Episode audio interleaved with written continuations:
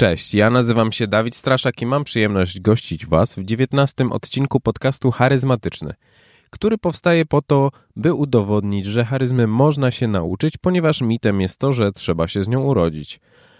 A moim dzisiejszym gościem jest Kamila Goryszewska, z którą będę rozmawiał na temat tego, jak być spójnym pracując w korporacji albo po prostu pracując dla kogoś. W trakcie tego odcinka Kamila będzie odpowiadała na moje pytania, które będą brzmiały tak. Czy ludzie w ogóle chcą pracować w, w korporacji? Jak przyjmować informację zwrotną? Jak poznać swoje granice i być asertywnym? Co robić, gdy zlecone zadania nie wydają się nam sensowne? Albo po prostu są bezsensowne. I co zrobić, by nie wpaść w szpony wypalenia zawodowego? Jak pracować z ludźmi, których się nie lubi i jak przeprowadzać trudne rozmowy. Kamila Goryszewska jest trenerką, coachem, konsultantką HR oraz autorką projektów i programów rozwojowych dla międzynarodowych firm oraz organizacji pozarządowych. Dodatkowo ma ogromne doświadczenie na stanowiskach zarządzających i menedżerskich w branży hotelarskiej – jest reżyserką i scenarzystką filmu dokumentalnego, dziennikarką, a wykształcenie wyższe zdobywała na studiach polonistycznych oraz aktorskich. Prowadzi jeden z najpopularniejszych w Polsce podcastów Słucham Gadam, gdzie poznaje subiektywną perspektywę swoich rozmówców, którzy dzielą się swoimi doświadczeniami z różnych dziedzin życia czy biznesu. Sam jestem jej wiernym słuchaczem. E, co ciekawe, Kamila swoje życie biznesowe rozpoczęła w wieku 13 lat, a liczba pobocznych projektów, które od tamtego czasu wykonała, jest porównywalna do ilości gwiazd na niebie. Osobiście uważam Kamilę za jednego z najbardziej uważnych słuchaczy, e, z jakimi miałem przyjemność rozmawiać o świetnym poczuciu humoru. No i pozwolę sobie przytoczyć historię, która moim zdaniem świetnie obrazuje, jakim człowiekiem jest Kamila. Zaprosiłem ją na lekcję języka angielskiego w, e, w, Polskim Związku Niewidomych jako gościa specjalnego. Była wtedy na wyjazdowych szkoleniach we Wrocławiu, więc jakoś udało się jej znaleźć chwilę czasu. No i pierwszy raz widziałem, żeby ktoś tak szybko zjednał sobie moich uczniów i ich sympatię, a oni sami mówili na następnych lekcjach, że Kamila jest super i że takich gości mogliby e, przyjmować cały czas – dzięki temu, że była ona w stanie skrócić dystans, dzięki jej energii i dzięki chęci poznania ich jako osób oraz jej charyzmie. Ale bez niepotrzebnych wstępów zapraszam do wysłuchania tego, czym Kamila się ze mną podzieliła. Miłego podcastu.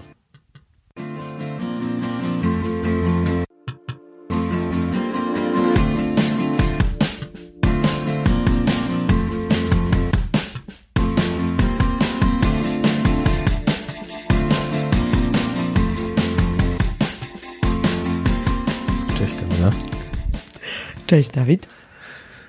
No to witam serdecznie w podcaście charyzmatycznym. Bardzo się cieszę, że, że postanowiłaś wpaść i odpo odpowiedziałaś na zaproszenie. No tak naprawdę to ty tutaj przyjechałeś. No. Bo widzimy się, widzimy się w Warszawie, a podcast charyzmatyczny na co dzień mieszka we Wrocławiu. Tak jest, więc wyjątkowe okoliczności, więc witamy, bo wyjątkowy gość. Więc y, jakby to, o czym chciałbym dzisiaj z Tobą porozmawiać, to jeden z e, tematów, który Ty bardzo często poruszasz, czyli kwestie związane ze spójnością. Ale chciałbym o tym porozmawiać, o tej spójności w odniesieniu do tego, co może dotyczyć wielu z słuchaczy e, podcastu, czyli połączyć to z pracą w korporacji. Ponieważ często spotykam się z takim zarzutem, że korporacja to jest organizacja, która wydziera po prostu duszę z ludzi i przez to oni przestają być sobą. I biorąc pod uwagę Twoje bogate doświadczenie w pracy, w pracy z organizacjami, które są nazywane korporacjami, to właśnie chciałem Cię podpytać o kilka kwestii, jak tą spójność zachować pracując właśnie w tego typu e, przedsiębiorstwach. I chciałbym zapytać, zacząć od takiego pytania, czy, czy właściwie ludzie chcą pracować w korporacji? I, I pytanie bierze się stąd, że kiedyś prowadziłem takie panele dyskusyjne z ludźmi, którzy byli na wysokich stanowiskach menedżerskich na, właśnie w korporacjach I w momencie, kiedy zadawałem to pytanie, które musiało paść, czyli jakie były Twoje początki, to no 99% odpowiadało, że przyszła do, do firmy z myślą, że to będzie jakiś taki etap w ich życiu, że, że pobędą tam na wakacje albo na maksymalnie rok i pójdą gdzieś dalej, a okazywało się, że zostali tam na 20 lat i, e, i, no i osiągali zawrotne sukcesy i kariery. Więc tutaj pojawia się pytanie, czy my rzeczywiście chcemy, czy ludzie chcą pracować w korporacjach? Wiesz, ja zawsze y, mam taką tendencję, żeby widzieć y, człowieka, a nie ludzi. Mhm. I nawet jeżeli jest grupa ludzi, to ja uważam, że ta grupa ludzi składa się z pojedynczych osób. E, I ta historia, o której opowiadałeś, że y, te osoby często mówiły, że wpadły do korporacji na chwilę, to jest też moja historia. Ja też y, zaczynałam pracę w korporacji hotelarskiej e, pojechałam po prostu na parę miesięcy do Anglii, żeby podszkolić język. I spodziewałam się, że po dwóch miesiącach wrócę zdawać e, egzamin językowy. I tyle będzie z tej pracy, wiesz, w hotelu za granicą. A nagle się okazało, że z korporacjami hotelarskimi związałam się na następne 10 lat. Więc bardzo dobrze rozumiem e, takie początki. Mhm. E, natomiast e, wydaje mi się, że to się też zmieniło. I teraz większość osób albo świadomie poszukuje, albo świadomie wybiera. E, wybiera już e, bardzo konkretne mm, miejsca, w których chcą pracować, które powinny spełniać bardzo konkretne oczekiwania. To znaczy, jakby nie zdają się na przypadek, na zasadzie, a pójdę, spróbuję, zobaczymy, co się wydarzy, tylko e, ich poszukiwania pracy już są zawężone i miejsca, do którego chcą trafić, mają konkretne kryteria. E, i osoby, które kiedyś był mniejszy wybór, nie było startupów, nie było tylu organizacji.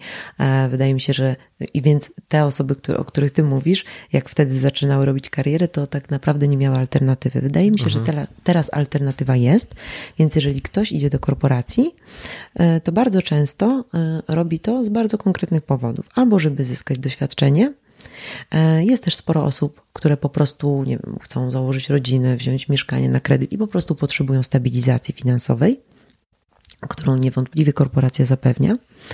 E, no, jest jeszcze cała masa osób, które po prostu nie mają na siebie pomysłu. E, nie mają pomysłu na przykład na to, jaki biznes chcieliby, nie wiem, sami rozwijać. I po prostu idą tam, gdzie wydaje im się, że będzie im dobrze. Mhm. A jak myślisz, w momencie, kiedy ktoś decyduje się na pracę w korporacji i powiedzmy, że, że robi to w miarę świadomie, tak jak zaznaczyłeś, że już mniej więcej wie, czego, mm, czego może oczekiwać, to w jaki sposób szukać tego, w czym jesteśmy dobrzy, e, co mogłoby, oj, jak wykorzystać nasze atuty w korporacji, więc jak szukać tych, które mogłyby wykorzystać to, to, co w nas dobre. Znaczy, wydaje mi się, że trzeba się też y, cofnąć y, o jeden krok do tyłu mhm. i też y, odniosę się do tego, co powiedziałaś na początku. Powiedziałeś takie zdanie, jak zachować spójność. Mm, I to, to zdanie, tak, tak jak ja je rozumiem, zakłada, że człowiek jest spójny, przychodzi do korporacji i teraz musi jakoś bronić mhm. tej spójności. E, tymczasem w moim wypadku było tak, że ja się do tej spójności dokopywałam. E, I to jest tak, że e, jeżeli ktoś ma trafić w miejsce, które jest dla niego, w którym będzie, które wykorzysta jego potencjał, to najpierw musi go sam dla siebie odkryć. A to nie jest takie proste i takie oczywiste. Nasz system kształcenia e, i też trochę nasza kultura i mentalność raczej każe nam się skupiać na tym, czego od nas oczekują inni i jakim oczekiwaniom powinniśmy sprostać i staje, tak żeby stać się taką szkatułką na cudze oczekiwania. Mhm. Czy oczywiście e, to nie jest tak powiedziane i taka intencja nie panuje e, w ogólnym e, systemie kształcenia. Nie, nie, nie przychodzimy do szkoły czy do pierwszej pracy i nie słyszymy, że jesteśmy tu po to, żeby spełniać oczekiwania innych, chociaż są tacy, którzy nie mają problemu z tacy liderzy, nazwijmy to, nazwijmy, nazwijmy ich jednak liderami, którzy nie mają problemu z tym, żeby to powiedzieć powiedzieć, że, że tacy są i, i obwieszczają to wszemi wobec. Natomiast proces odkrywania tego, kim się jest, w czym się jest dobrym, czego się potrzebuje, to jest, to jest proces. Mhm no chyba, że ktoś nie wiem, wierzy w jakieś szklane kule i po prostu w e, karty, które przepowiedzą przyszłość, e, e, albo w jakieś takie bardzo proste rozwiązania, typu, nie wiem, no, jesteś taka, to powinnaś robić to. Bo na, na to, co nam sprzyja, składa się parę czynników. Nie tylko zadania, którym, które podejmujemy, ale też rytm pracy, warunki pracy, kultura organizacyjna, to, czy potrzebujemy pracować w zespole, czy samodzielnie, w jakim zespole. E, to też to jest naprawdę cała masa czynników, które tak naprawdę odkrywamy w momencie, w którym dotkniemy czegoś w sobie. Mhm. Czyli najlepiej jest to odkrywać poprzez praktykę. Czyli mm, iść, żeby spróbować i patrzeć, co się ze mną dzieje. Mhm. Jednak można powiedzieć, że ci menadżerowie ci, którzy byli użyci jako przykład na samym początku, mieli trochę racji, żeby rzucić się w wir pracy, może tak powiem, i obserwować, jak reagujemy na poszczególne sytuacje. Ja uważam, że to jest e, najlepsza, e, najlepsza droga do tego, żeby e, w rezultacie znaleźć się w najwłaściwszym dla nas miejscu, pod warunkiem, mhm. że prowadzi się ten proces obserwacji. Mhm. No właśnie, na co być uczulonym? Na co zwracać szczególną uwagę? Bo wiesz, mam wrażenie, że. Mm, brakuje trochę takiej autorefleksyjności ludziom, którzy gdzieś pracują. Bo nawet wyobraźmy sobie taką sytuację, że trafiamy do, do organizacji, w której wymaga się dużo od pracownika. I możliwe, że on jest na tyle przemęczony tymi obowiązkami, że nie ma czasu jakby zastanowić się, czy, mm, czy ja się w tym sprawdzam, czy jest odpowiednio, e, czy, czy dobrze się z tym wszystkim czuję. E, przemęczenie to też jest informacja. Mhm. E, zgadzam się z Tobą, że e, bardzo często jest tak, że w, jakby w kulturze organizacyjnej nie ma takiej zorganizowanej przestrzeni do autorefleksji, mhm. czyli jakichś, nie wiem, procesów coachingowych, proces oceny rocznej, który mógłby być fantastyczną okazją do tego, żeby ktoś przyjrzał się sobie, żeby się wspólnie z, z, osobą, która mną zarządza, żebyśmy się nade mną zastanowili i nad tym, co dalej. Natomiast y, z moich doświadczeń wynika, że ludzie bardzo tego nie lubią. Y, I że tak naprawdę. Nie, nie lubią przyglądać się sobie? Y, tak, nie lubią mhm. przyglądać się sobie, bardzo boją się oceny, nie potrafią przyjmować informacji zwrotnych nie umiemy ich dawać i nie umiemy ich przyjmować. E, uważam, że mamy w sobie bardzo duże pokłady wstydu e, i lęku. Mhm. Tego, że, że za chwilę okaże się, że wcale nie jestem taki dobry i taka dobra, jak by się mogło wydawać. Mhm. Albo, że nie wiem, zostanę, że jeżeli nie kolejne zadanie, którego nie wykonam, albo które wykonam źle, albo które wykonam na czas, albo którego nie wiem jak wykonać, nie mam pomysłu na to, co zrobić, e, to nie świadczy o tym, że ja nie mam pomysłu, tylko świadczy o tym, że jestem beznadziejna, beznadziejny.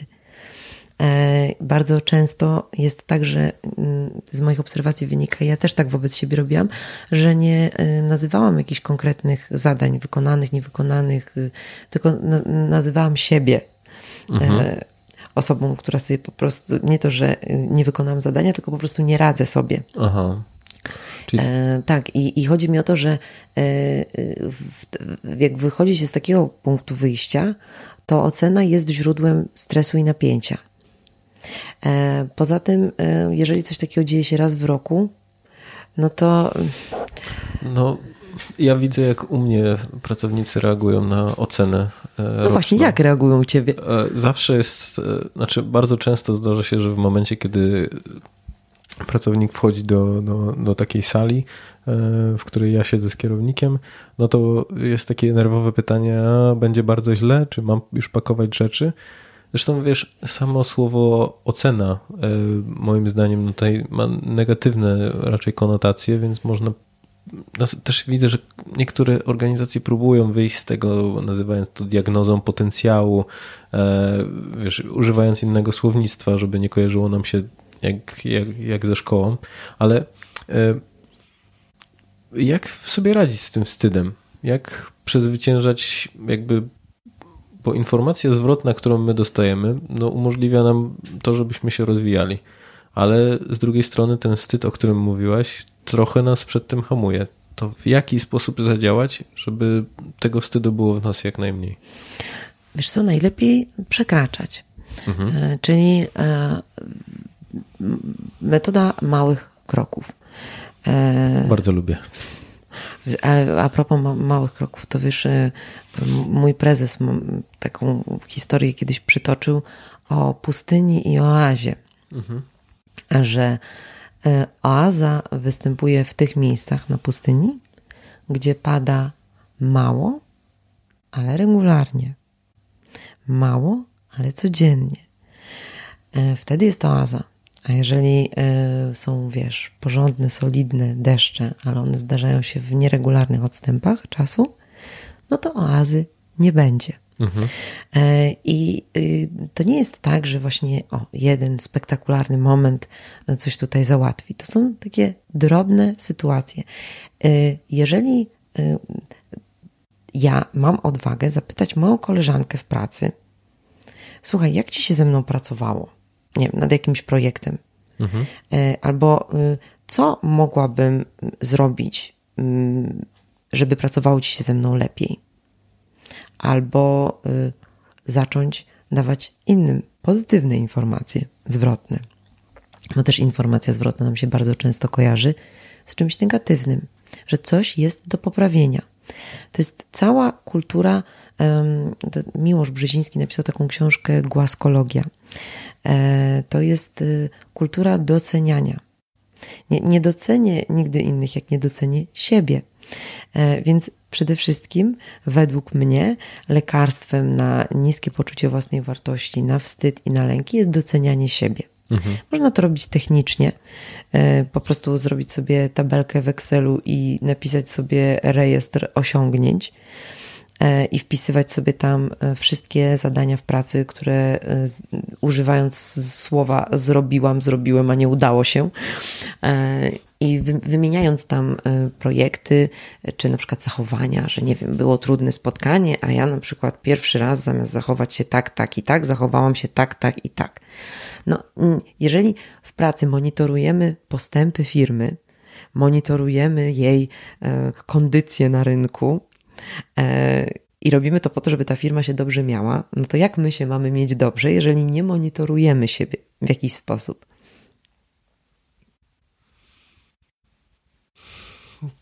To teraz zastrzeliłeś mnie, bo to jest argument, z którym praktycznie nie da się kłócić, a nigdy nie spojrzałem na to. A ty się sposób. chciałeś kłócić, przepraszam. Ty... Okej. Okay. No ale domyślam się, że skoro monitorować też te osiągnięcia, z których jesteśmy zadowoleni, to warto też robić rejestr rzeczy, które nie do końca poszły e, zgodnie z naszą myślą. Ale to możemy zrobić, jak się już wzmocnimy, według mnie. Mhm. Czyli żeby jakby nie, nie obniżać swojej pewności siebie przez to, że będziemy sobie coś zarzucać, że to mogłeś zrobić lepiej? Tak, najpierw zaczęłabym od tego, jeżeli ktoś czuje, że ma bardzo silny opór przed informacjami zwrotnymi, mhm. boi się krytyki, to zbudować w sobie mm, takie y, poczucie realnej swojej i też głębokiej wartości. A to najlepiej jest po prostu doceniając siebie. Też bardzo, bardzo często widzę ludzi, którzy czują się niedoceniani przez innych i mówią o tym że nie wiem, nie docenia mnie, nie wiem, współpracownicy, szef, klienci, że, że jakby tu je, ja jestem taką perłą, e, ja wkładam taki wysiłek, a jestem niedoceniany, niedoceniana. Mhm. E, tak mówią osoby, które same siebie nie doceniają. E, I też Chodzi o to, no to uważam, że taki rejestr jest właśnie jak znalazł na sytuację oceny rocznej, bo w zasadzie e, można powiedzieć, że wystarczy to wszystko skompilować i ma się gotowy e, materiał do rozmowy, ale to też jest materiał do tego, żeby się przyjrzeć. Ok, jeżeli ja po kilku miesiącach mogę zobaczyć, to co wymieniam w tych rzeczach, które robię dobrze, to mogę je jakoś pogrupować, mogę zobaczyć jakieś zależności, mogę zobaczyć, że czegoś jest więcej. Mogę też zobaczyć, kiedy działam efektywnie, jakie, w jakich zadaniach działam efektywnie. Mhm. E, tego się nie da z, z, właśnie e, zobaczyć, będąc po całym dniu zmęczonym i po prostu, wiesz, mając ochotę wyjść i, nie wiem, e, zapomnieć o tym wszystkim, co się przez cały dzień wydarzyło. E, dlatego należy to sobie ułatwić. Ale, e, tak jak powiedziałeś, e, rzeczy, które można zrobić lepiej, rzeczy, które, nad którymi warto pracować, warto również sobie notować, ale nie na zasadzie, że tutaj zrobię sobie taki malutki dzienniczek swoich porażek, tylko po prostu ja bym nie prowadziła dziennika rejestru rzeczy do poprawy, tylko po prostu pomysłów, co mogę zrobić, żeby działać skuteczniej, lepiej. Mhm. Czyli jakiś, e, nie wiem, lepiej będę działać, jeżeli coś skonsultuję z kimś. Lepiej będę działać, jeżeli będę pracować między siódmą a dziesiątą nad rzeczami koncepcyjnymi. Lepiej będę działać, jeżeli będę e, poza open space'em, jak mam zrobić coś ważnego. Lepiej działam, jak mam na przykład wyłączone powiadomienia. No takie. Mm, Czyli zadać sobie konkretne pytanie, co mogłem zrobić lepiej w tamtej w sytuacji, jak, w której mi nie poszło, i następnym razem może. Co mogę zrobić, albo jak, mo jak mogę stworzyć sobie warunki, w których będzie mi to lepiej wykonać? Bo bardzo często jest tak, że pracujemy w takich warunkach albo w takim otoczeniu, które no, sabotuje nasz wysiłek. Mhm. Masz na myśli open space'a? Mam na myśli open space, mam na myśli, wiesz, powłączane powiadomienia i wiesz, ty z Outlooka, wiesz, co chwila maile, które gdzieś tam wyskakują. Mhm. E, siedzenie koło koleżanki, która jest, wiesz, ja mam wspaniałe osoby w pracy, ale tak patrzymy na siebie z tą moją e, Justyną, e, która jeżeli tego słucha, to ją bardzo pozdrawiam. I tak mówimy, że jakbyśmy razem mieszkały na studiach, to my byśmy studiów nie skończyły. Mhm. Bo my się bardzo, wiesz, lubimy wymieniać ze sobą różnymi wiadomościami, informacjami i w, przy niektórych zadaniach jesteśmy ze sobą bardzo skuteczne, ale jak każda z nas ma do zrobienia coś dużego, no to lepiej się rozejść. Czyli źle wpływacie na swoją efektywność. W niektórych zadaniach tak. Mhm.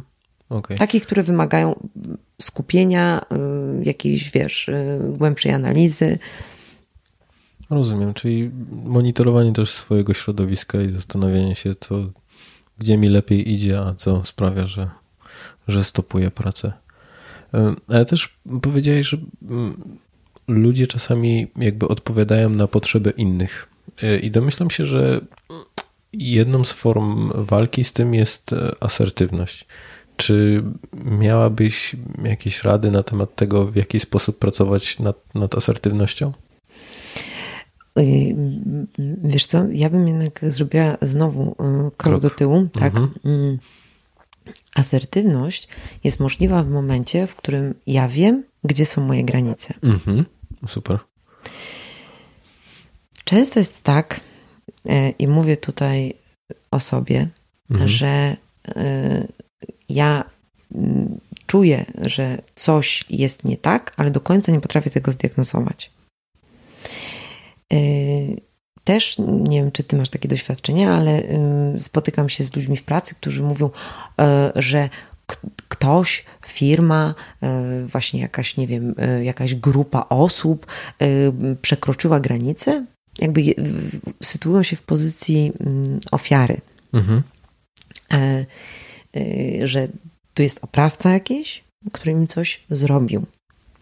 E, tylko niedokładnie wiadomo, w którym miejscu zaczęło się to robienie tego czegoś. Raczej rozumiesz, jakby, czy skala zadania, e, czy termin, e, czy jakby, wiesz, według mnie, ponieważ w ogóle też nasze zadania i role w firmie się bardzo dynamicznie zmieniają. To nie jest tak, że mamy, nie wiem, bardzo konkretny zakres obowiązków i nic absolutnie poza tym zakresem, wiesz, się nie pojawia. To, mhm. to jest turkusowa filozofia, żeby nie robić listy e, obowiązków, tylko żeby ludzie wykonywali to, za co wezmą odpowiedzialność, co jest ważne do zrobienia w tym momencie i do czego mają kompetencje. I jeżeli y, ja wiem, w czym jestem dobra, do czego mam kompetencje, co jest ważne w tym momencie, za co mogę wziąć odpowiedzialność, to jest mi łatwiej wyznaczać granice. Bo jestem w tym momencie w stanie powiedzieć: OK, mogę to zrobić, ale nie wezmę odpowiedzialności za to, za to i za to, bo nie mam przygotowania w tym i w tym obszarze. I wtedy ta rozmowa, y, wiesz, wtedy jestem w partnerskiej rozmowie mhm. z tym kimś, kto mi tutaj, wiesz, najechał moje terytorium. Okej. Okay. Czyli znajomość tego, na czym się znam i co jestem w stanie zrobić, umożliwia nam powiedzenie... Kim ja jestem w tej sytuacji, w sytuacji mhm. tego zadania? Jakie są moje realne możliwości? Pod czym ja się mogę podpisać, pod czym się nie mogę podpisać? Dobrze, a wiesz co, bo też y, domyślam się, że jest wiele osób, które nie mają sobie po prostu na tyle odwagi, żeby powiedzieć szefowi, no, no nie jestem w stanie tego zrobić, albo nie byłem z tego przeszkolony. Chociaż mam wrażenie, że to też czasami jest używane jako swego rodzaju wymówka, że nie miałem odpowiedniego szkolenia, żeby, żeby wykonać to zadanie. E, ale zostańmy na razie przy tym, jak jakby ośmielić do E, ośmielić ludzi do tego, żeby, żeby odmawiać szefowi, jeżeli czujemy, że coś wykracza poza nasze kompetencje. No to... to jest takie wspaniałe zdanie, które z innych moich zadań mam odłożyć na później, żeby wykonać to, o co mnie teraz prosisz. No to muszę w poniedziałek przetestować.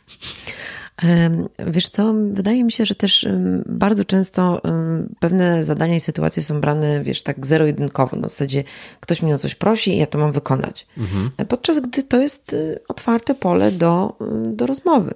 Okej, okay, y, przygotuję to, tylko będę potrzebować tego, tego i tego albo e, chciałabym w związku z tym mieć e, przełożony czas realizacji tamtego zadania, albo e, chciałabym móc mieć do pomocy na przykład jeszcze jakieś inne osoby w zespole, mhm. albo czy możesz w związku z tym jutro i pojutrze poświęcić mi godzinę na to, na to i na to.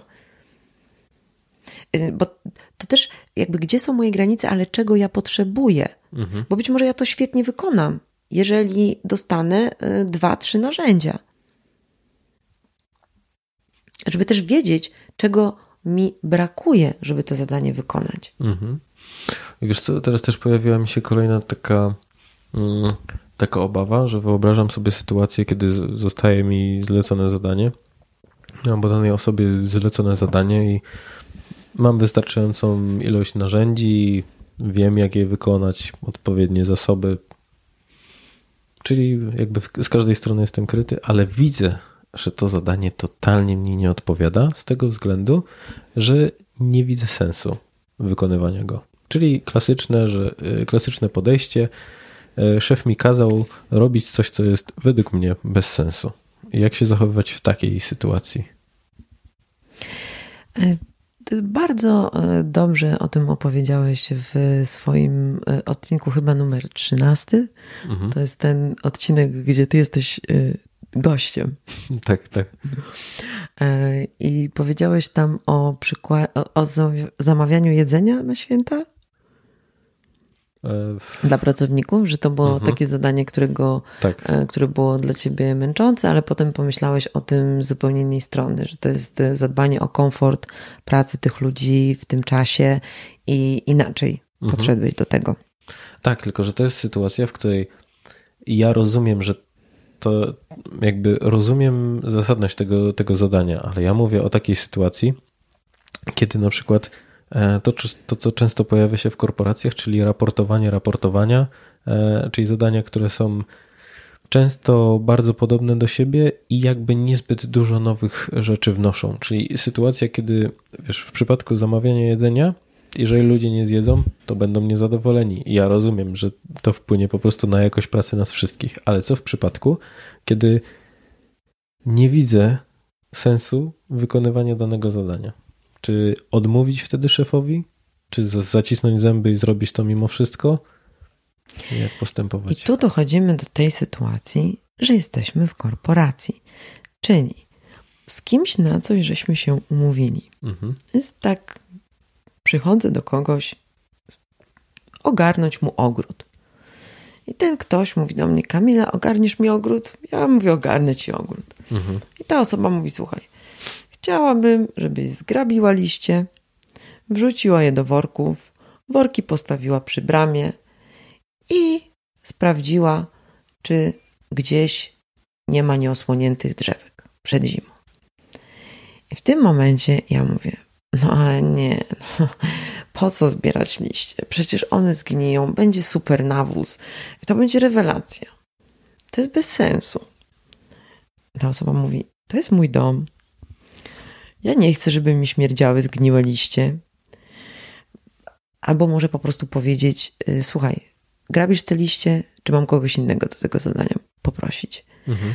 E, pracujemy dla kogoś i wykonujemy rzeczy, które są mm, potrzebne organizacji, z którą żeśmy się umówili, że w danym czasie dane zadania będziemy wykonywać. Mhm. I teraz też pamiętaj jeszcze jedną rzecz. To jest. Um, warto czasami w swojej głowie wsiąść w windę. E, to jest to, co ty zrobiłeś w wypadku tego, e, tego, tego zamawiania obiadów, że pojechałeś trochę wyżej i zobaczyłeś tę sytuację z innej perspektywy.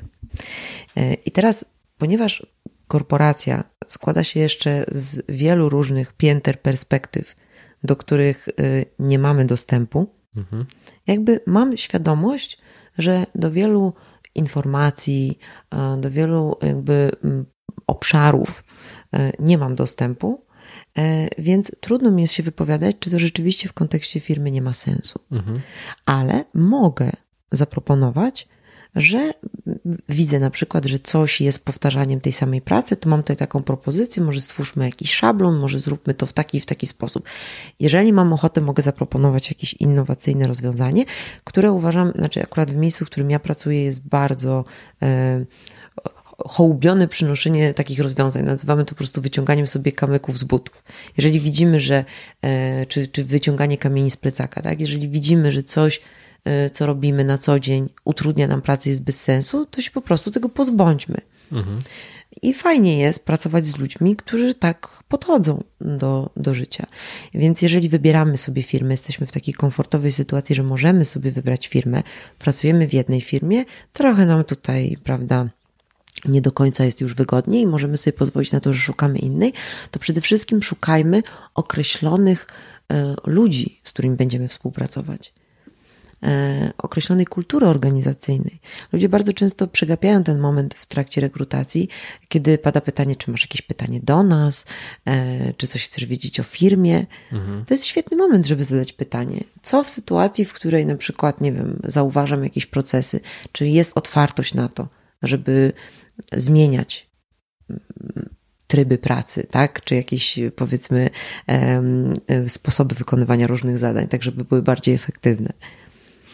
Ale wiesz, mam wrażenie, że czasami z jednej strony firma zatrudniając kogoś mm, daje duży kredyt zaufania mm, pracownikowi, którego będzie zatrudnić, ale z drugiej strony, y, ponieważ nie jest w stanie go zweryfikować przez, nie wiem, godzinę rekrutacji albo mm, przez kilka etapów, e, i tak samo jest w drugą stronę, że też my trochę ryzykujemy, nie wiedząc tak naprawdę do jakiej firmy się zapisujemy, więc E, znaczy z jaką firmą podejmujemy współpracę. Więc teraz pytanie, czy, czy my tak naprawdę jesteśmy w stanie stwierdzić po, po rekrutacji, po przeczytaniu kilku opinii w internecie albo zapytaniu znajomego, jak się pracuje w danej firmie i na co zwracać uwagę oprócz, oprócz takich detali? Y, jeżeli y, firma udziela się gdzieś tam na forum, jeżeli y, mamy szansę dotrzeć do ludzi, którzy w tej firmie pracują i z nimi porozmawiać, no to świetnie, ale tak jak mówisz, bardzo często jest tak, że nie mamy takiej możliwości. I mhm. to jest, ale, ale można zapytać. Jeżeli zapytamy podczas rozmowy, widzimy, że jest po prostu, wiesz, blady popłoch, no to to jest, to jest też informacja. E, natomiast są firmy, które mają w kulturze organizacyjnej e, takie założenia zapisane. Mhm. E, warto się zapytać na przykład też, jaka jest kultura organizacyjna firmy, jakie są wartości, na co, na, na jakie style zarządzania ta firma stawia. jakie rozwiązania stosuje, żeby ludziom, który, którym tam się pracuje, pracowało się lepiej.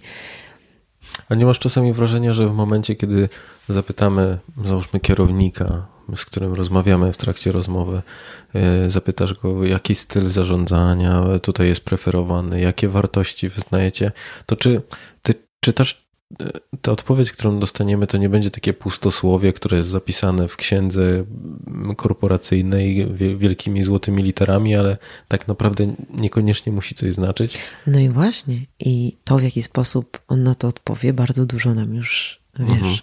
Czyli wtedy być absolutnie uważnym na każde słowo, które padnie, i też to, w jaki sposób e, będzie się e, no, jakby ten wywiadowca zachowywał podczas, podczas mówienia.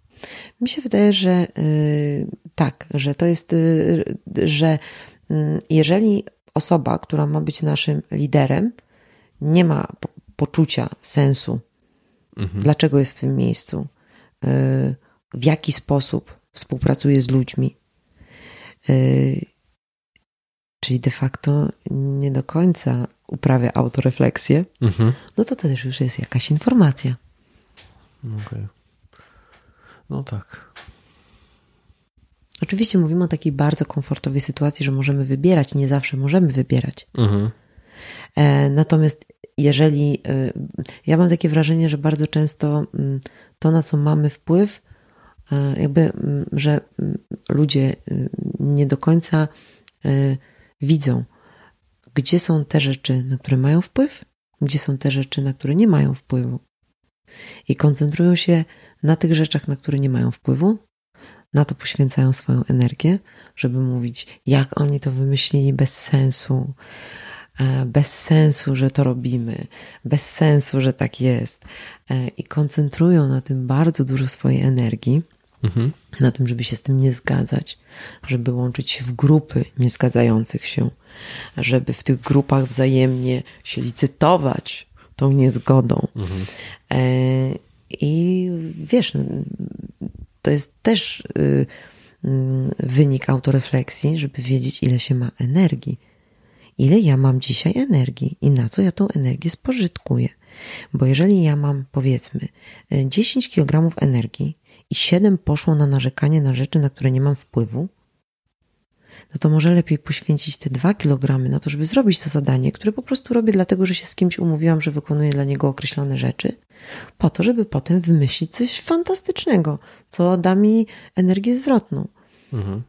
Jakby na, żeby koncentrować się na rzeczach, na które mamy wpływ i starać się w taki sposób y, organizować swoje, y, swoje y, swoją przestrzeń pracy, żeby jednak mieć jak najwięcej tych zadań, które nam dają energię, które są super, a też zachęcam do wymieniania się zadaniami, bo ja już wielokrotnie się spotkałam z tym, że jak się tak dobrze porozmawia, na przykład w swoim dziale, okazuje się, że ktoś inny weźmie od ciebie to zadanie, ale w zamian za to na przykład ty możesz od niego wziąć inne zadanie. Mhm. Więc takie wymianki e, też e, powiem szczerze, ja dopiero niedawno na to wpadłam, e, że to naprawdę bardzo fajnie funkcjonuje. Też przereorganizować pracę w grupie czy w zespole.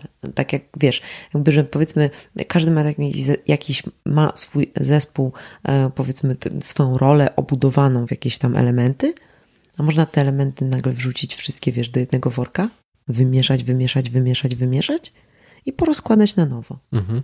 No, zawsze są w takich sytuacjach dwie szkoły z jednej strony jest, mówi się o takiej dywersyfikacji zadań, czyli każdy powinien e, z tego bębna pełnego zadań wziąć po trochu i najlepiej, żeby, żeby umiał zająć się każdą, każdą ze spraw, która ewentualnie mogłaby się pojawić, albo e, druga szkoła, czyli doskonalić się w tym, w czym jesteśmy dobrzy. No i teraz pytanie, jak ty do tego podchodzisz? Czy starać się być umieć wszystko rozwiązać, czy skupiać się na tych zadaniach, które, które jakby rozwiązujemy z łatwością? E, jesteś praworęczny czy leworęczny? Prawo. Praworęczny. Mhm. No to jest mniej więcej takie pytanie, czy pisać pół dnia lewą ręką, pół dnia prawą ręką, czy skupić się na tym. Znaczy wiesz, ja zadaję to pytanie, bo większość mojego życia w szkole na tym polegała, że w momencie, kiedy byłem kiepski z chemii i z historii, no to musiałem nadrabiać w tych dwóch przedmiotach, a nie skupiać się na przykład na, na tych, w których byłem dobry. No i to jest właśnie y, zmuszanie ludzi do tego, żeby pisali lewą ręką. Mhm. Mm, jak ty o tym myślisz? Rozumiem, że, że wiesz, że jakby wysiłek, który musiałbym włożyć w to, żeby zapisać coś lewą ręką, e, no jest nieporównywalny z tym, żeby e, z, no jakby z, z wynikami, które bym osiągnął. Ale teraz jeszcze zobacz jedną rzecz. E, wysiłek to jest jedna sprawa, a druga sprawa efekt. Mhm. Nie wiem, kiedy ostatni raz pisałeś lewą ręką, ale jeżeli nie piszesz nią na co dzień, to praktycznie nie da się odczytać mhm. takiego zdania. Wiesz co, to dziwna sprawa, ale ostatnio rzeczywiście pisałem lewą ręką i wyszło koszmarnie. Próbowałem się sam podpisać, jakby, no, więc bardzo ciężko. No i teraz e, właśnie jest takie pytanie. Czy ćwiczyć tą lewą rękę? Jeżeli... Ja uważam, ja, ja uważam, że nie. Mhm.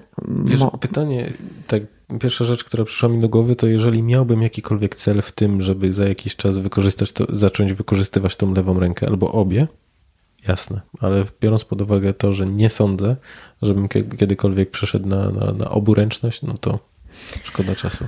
Wiesz co, odpowiem ci, przytaczając takie badania, które były zrobione jakiś czas temu w Nowej Zelandii. Mhm. E, badano dzieci, y, jakby szybkość y, czytania. I były dzieci y, bardzo dobre, które czytały 300 słów na minutę. Mhm. E, I były te dzieci, które, ta grupa dzieci, które miały największy problem, czytały 90 słów na minutę. Mhm.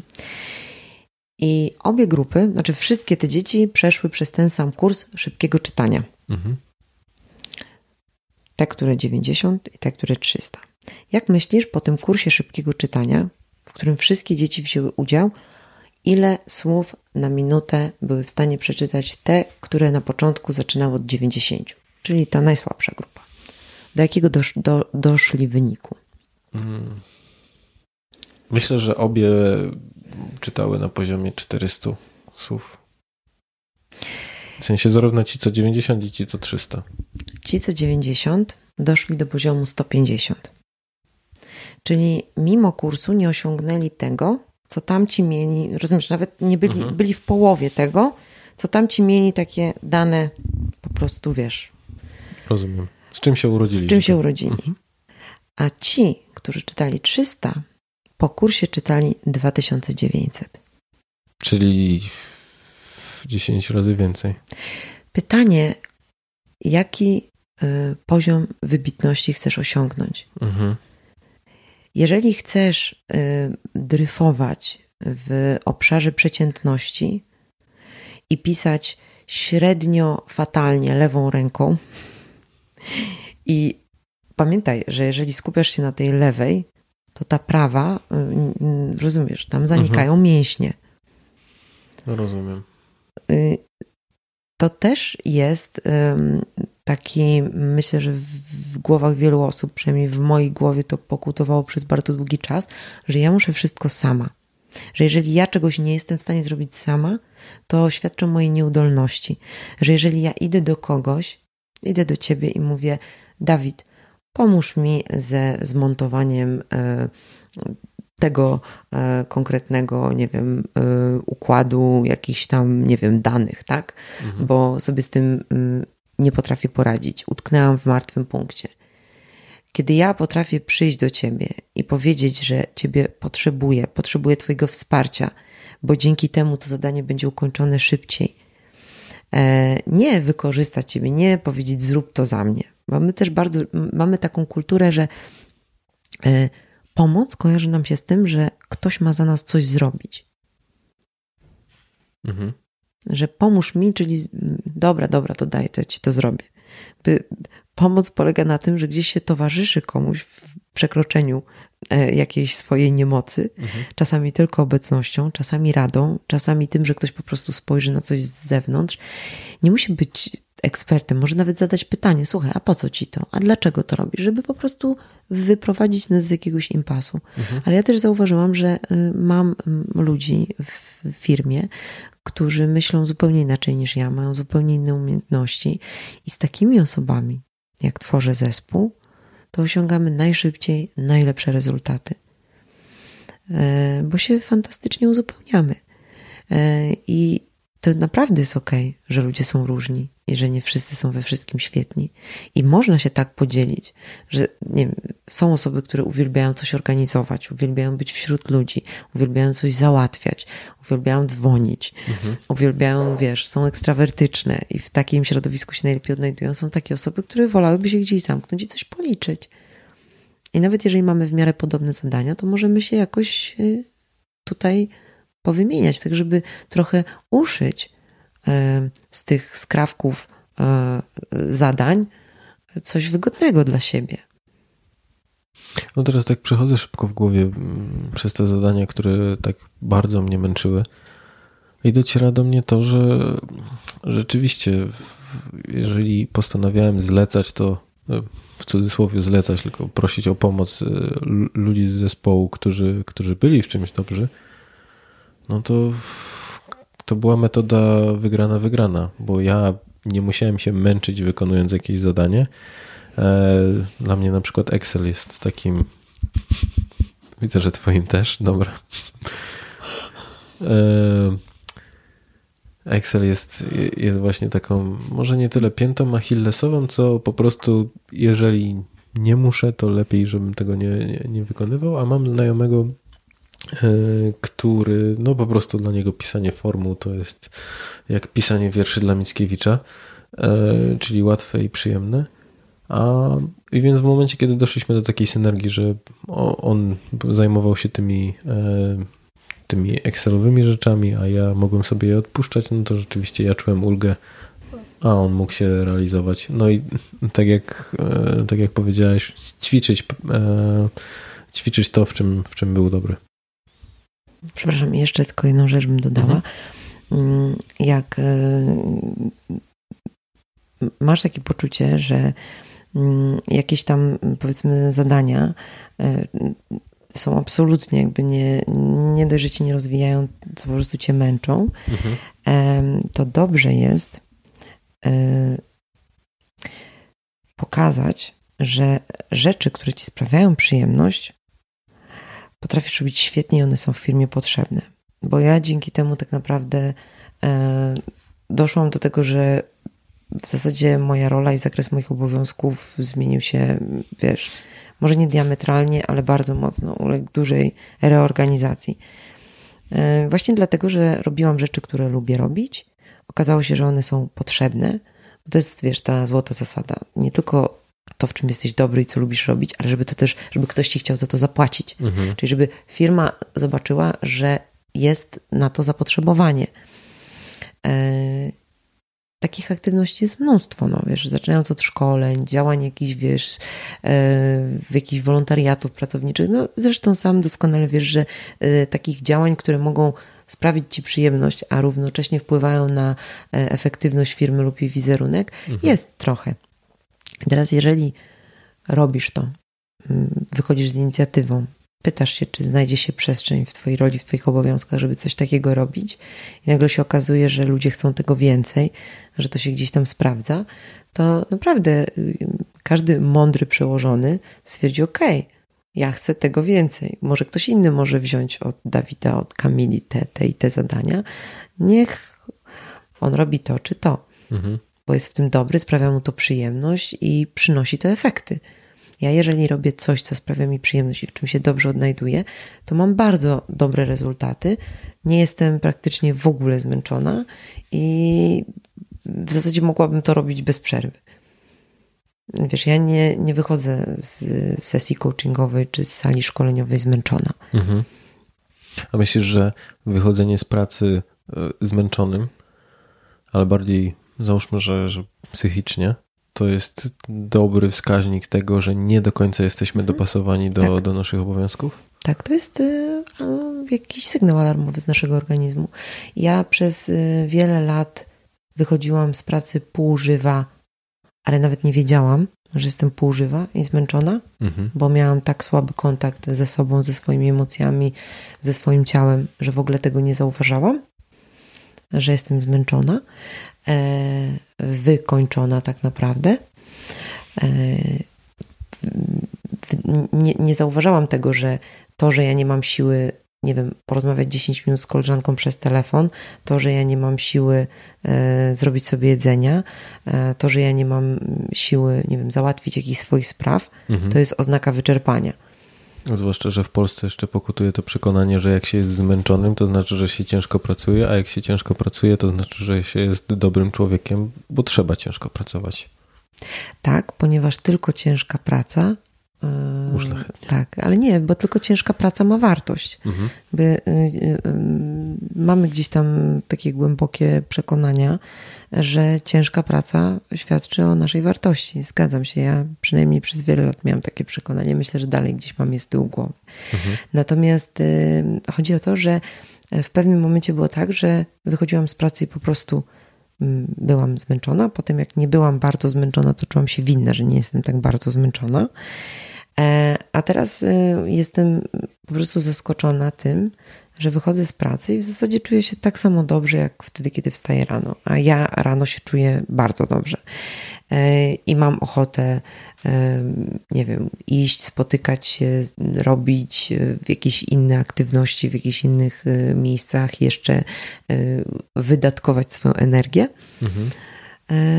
bo nie, nie wypompowuje się po prostu w pracy. E, bez względu na to, jak bardzo intensywna ta praca jest, bo ona czasami bywa bardzo intensywna.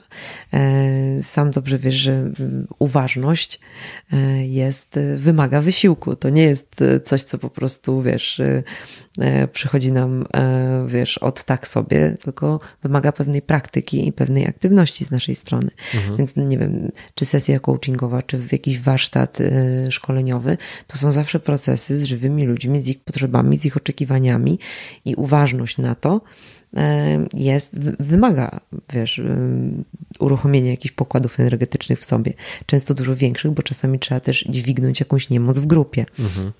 Natomiast jeżeli e, ja jestem w zgodzie ze sobą, ze swoimi potrzebami, to ja po takim dniu się czuję w porządku. No ale nie zawsze tak było. Mhm. No i właśnie chciałbym wrócić na chwilę do, do tego okresu w Twoim życiu, kiedy nie zawsze tak było, bo E, no, wpadłaś w szpony pracoholizmu i 40-godzinny mm, tydzień pracy to dla ciebie było minimum, o którym już dawno zapomniałaś.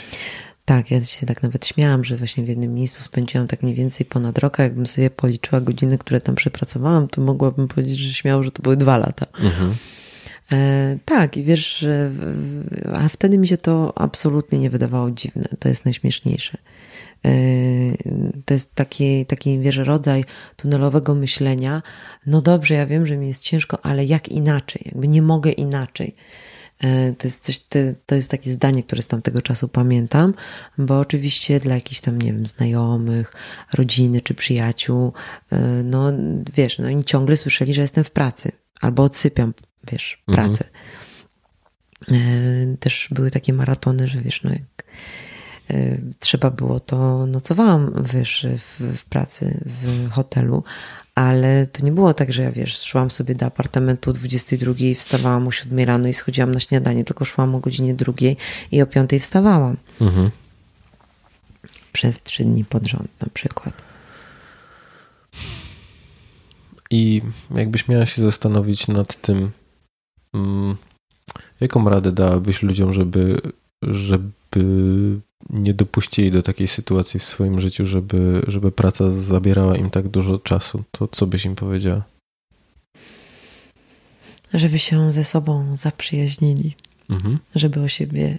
Znaczy, wiesz, jakby y, nie wykończę kogoś, kogo lubię i o kogo dbam. Mhm. Y, ale też uważam, że w moim wypadku to, że ja tyle pracowałam, wynikało z pychy i z narcyzmu z tego, że chcę być niezastąpiona, że pokażę wszystkim, że jestem najlepsza, że ze wszystkim sobie potrafię dać radę, że wszystko potrafię zrobić sama, najlepiej sama. Nikt nie zrobi tego tak dobrze jak ja. I to są głosy, to są te tory, po których jedzie ten pociąg. Mhm. Czyli to jest, jeżeli coś takiego pojawia się też u innych, to może być to takim sygnałem ostrzegawczym? Tak. Mhm. Tak. I y, przede wszystkim wejście w takie tunelowe myślenie, y, sygnałem alarmowym jest y, ja nie mogę inaczej. No mhm. No jak inaczej? No ja nie mogę teraz wyjść. Czyli takie poczucie bycia w pułapce? Tak. Mhm. tak. No i domyślam się, że też środowisko nie pomaga, ponieważ w momencie, kiedy ty pracujesz bardzo dużo i sama wspominałaś o tym, że rodzina kojarzy, że albo cię, no czy cały czas cię nie ma, bo albo pracujesz, albo odsypiasz, e, to też współpracownicy oraz przełożeni też do tego podchodzą w podobny sposób i w momencie, kiedy pracujesz mniej, to zaczyna być to podejrzane. Dokładnie tak. E, I yy, znaczy inaczej, yy, są miejsca, i ja na szczęście teraz jestem w takim miejscu, gdzie wiem, że jeżeli się mm, gdzieś tam zbliżam do jakiejś granicy mojej, to słyszę od mojej szefowej: Kamila, uważaj, to jest Twoja decyzja. Jest dużo, dużo się dzieje, dużo robisz zastanów się, czy chcesz wziąć tą rzecz. Mhm. I ona naprawdę się pyta. I, I, ja naprawdę w tym momencie y, mogę powiedzieć, y, wiesz co, rzeczywiście, dobrze, że mi to mówisz, y, wezmę to później, wezmę to kiedy indziej. Natomiast, wiesz, oczywiście to, to, że ja w tym momencie o siebie dbam, to nie wyklucza, że mam momenty, kiedy jestem, kiedy mam jakiś, wiesz, zwiększony wysiłek. Mhm. Natomiast Wiesz, y, ja znam bardzo wiele pracodawców, bardzo wiele firm i mam też bardzo y, dużo znajomych, którzy pracowali w firmach, w których to, że się siedzi tam po prostu praktycznie cały czas, jest y, hołbione. Mhm. Za to się dostaje awanse, za to się dostaje podwyżki. Hmm. Wręcz no, znam miejsca, w których tylko tak można pracować. Okej. Okay. Hm. Teraz pytanie, czy ja chcę być w miejscu, w którym się tak pracuje, w którym to jest normalne? Czy uwierzyłam w to, że to jest normalne? No właśnie, to jest dobre pytanie. E, a chciałbym jeszcze też wrócić na chwilę do tego, o czym powiedziałeś, żeby. E, znaczy, bardzo spodobało mi się to stwierdzenie, że nie, nie chce się zrobić krzywdy komuś, kogo się lubi. Hmm? To jak pracować nad tym, żeby, żeby lubić siebie bardziej? A ty lubisz siebie, Dawid? Myślę, że tak. I zawsze tak było? Nie. I co zrobiłeś, żeby tak było? O kurde.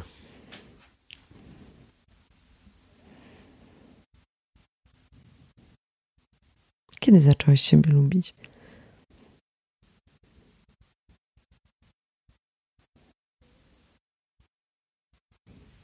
Wiesz co, chyba kiedy zacząłem być bardziej uważny na.